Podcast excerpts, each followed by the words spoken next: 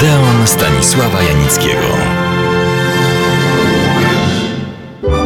Kontynuuję opowieść o polskich filmach podejmujących tematykę niepodległościową.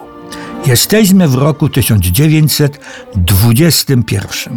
Na ekranach pojawił się film, który niejako na świeżo przedstawiał w formie fabularnej wydarzenia wojny polsko-bolszewickiej lat 1919-20 zakończonej zwycięstwem wojsk polskich potwierdzonym traktatem pokojowym w Rydze w marcu 1921 roku. Film nosił tytuł Cud nad Wisłą i zrealizowany został na zamówienie Wydziału Propagandy Ministerstwa Spraw Wojskowych.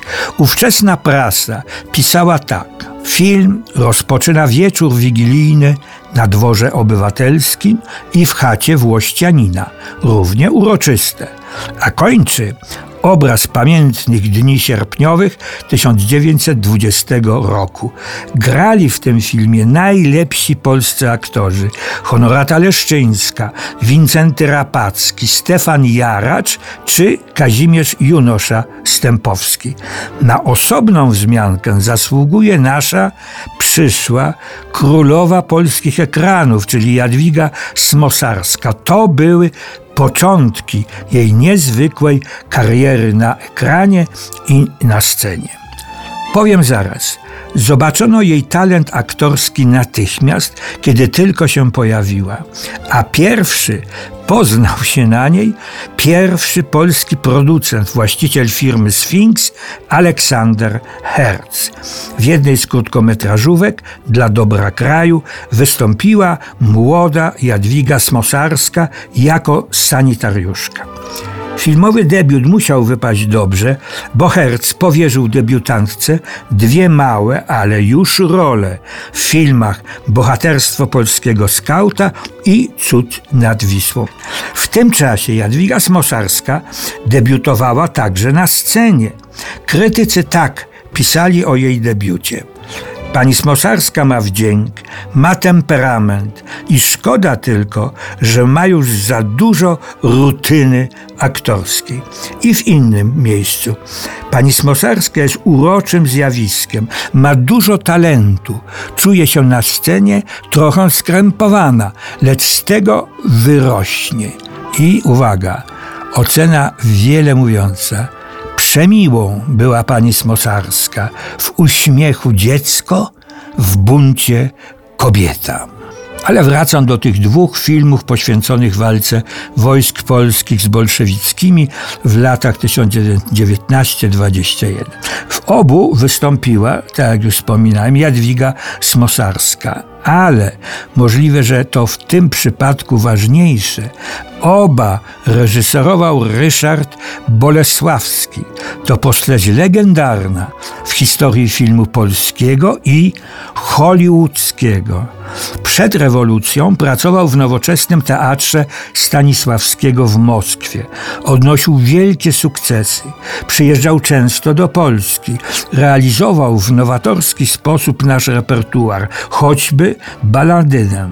Były to fenomenalne inscenizacje, ale ponadto, cytuję, najtwarszy świat pozostawiły toczone z nim rozmowy i dyskusje na temat gry zespołowej, zespołowego stylu reżyserii, organizacji teatru zespołowego o poważniejszych zasadach społeczno-kulturalnych.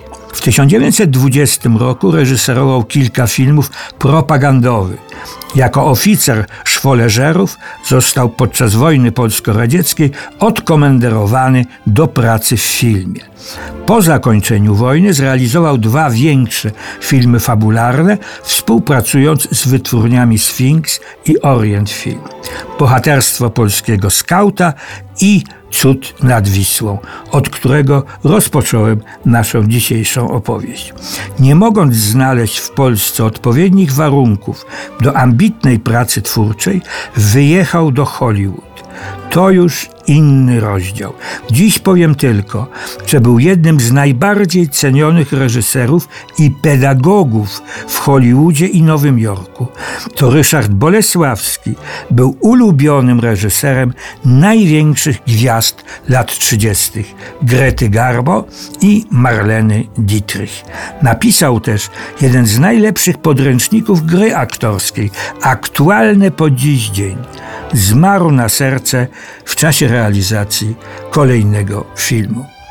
Tymczasem w kraju powstawały kolejne filmy o wojennych czasach zdobywania i utrwalania świeżo zdobytej niepodległości, ale sięgano też do minionej przeszłości.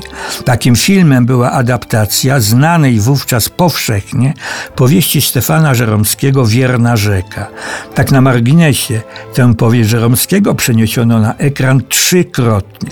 Po raz pierwszy właśnie wtedy, w 1922 roku, reżyserował jeden z pionierów polskiego kina i filmu Edward Puchalski. Co charakterystyczne, w filmie tym brali udział weterani powstania styczniowego i żołnierze pierwszego pułku szwoleżerów. Jak już wspomniałem, Wierna Rzeka przeniesiona została na ekran jeszcze dwa razy. Po raz drugi w latach 30. reżyserował Leonard Buczkowski. To ten od pierwszego po wojnie filmu fabularnego Zakazane piosenki. Po raz trzeci pojawiła się na naszych ekranach już po wojnie w 1983 roku, przysposobił ją do ekranu i zrealizował Tadeusz Chmielewski. A o dalszych polskich filmach okresu tuż po odzyskaniu niepodległości opowiem jeszcze. Zapraszam na kolejny odeonowy seans filmowo-radiowy.